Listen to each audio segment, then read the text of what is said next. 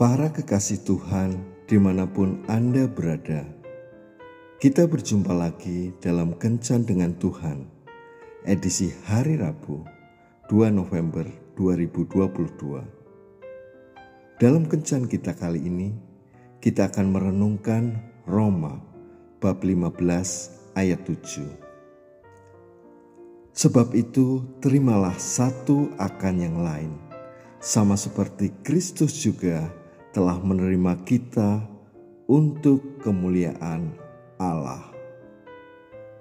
Para sahabat kencan dengan Tuhan yang terkasih, di dalam kehidupan sosial yang kita jalani, terkadang keberadaan orang-orang di sekitar kita membuat kita merasa terusik. Hal ini pernah dialami oleh bangsa Israel di mana Tuhan ingin membentuk dan menguji bangsa ini menjadi suatu bangsa yang kuat, baik secara mental maupun secara rohani. Tuhan ingin melatih bangsa itu menjadi bangsa yang kuat, mampu berperang, dan mengandalkan Tuhan. Di samping itu, Tuhan juga ingin menguji hati bangsa Israel apakah mereka masih berpaut sepenuhnya kepada Tuhan, walaupun situasi sulit datang menghimpit. Namun, sangat disayangkan karena dalam situasi seperti itu, tindakan umat Israel mengecewakan Tuhan.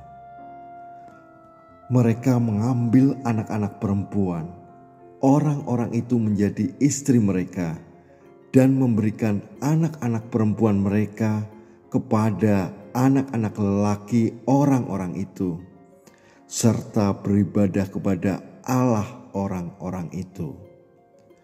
Demikian yang tertulis dalam Hakim-Hakim bab 3 ayat 6.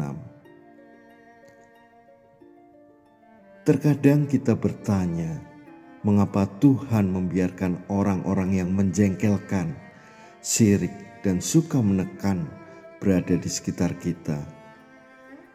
Tetapi ingatlah bahwa tidak jarang Tuhan mengajar kita melalui kondisi-kondisi sulit yang ada di sekitar kita. Kita tidak perlu mengeluh dengan keberadaan mereka saat bertemu dengan orang yang selalu menyakiti hati kita, sapalah dengan tersenyum. Bukankah melalui Dia Tuhan menjadikan kita orang yang sabar dan kuat? Saat bertemu dengan orang yang pernah mengkhianati kita, baik-baiklah berbincang dengannya, sebab jika bukan karena Dia, kita akan terlalu mudah percaya kepada semua orang. Memang sulit melakukan semua ini dengan kekuatan kita. Untuk itu, mintalah kekuatan dan kemampuan dari Roh Kudus. Jika kita mampu melalui kondisi yang sulit untuk mencapai keberhasilan, maka kita sudah maju selangkah secara rohani. Karena itu, jika ada orang-orang yang membuat kita kesal, pandanglah mereka sebagai alat Tuhan. Hanya dengan sikap menerima, bersyukur, dan mau belajar melalui kesulitan yang ada, kita akan mengalami kemenangan temukanlah manfaat dari setiap situasi yang kita alami. Tuhan Yesus memberkati. Marilah kita berdoa. Tuhan Yesus, berilah aku hati yang selalu bersyukur atas keberadaan orang-orang yang ada di sekitarku. Amin.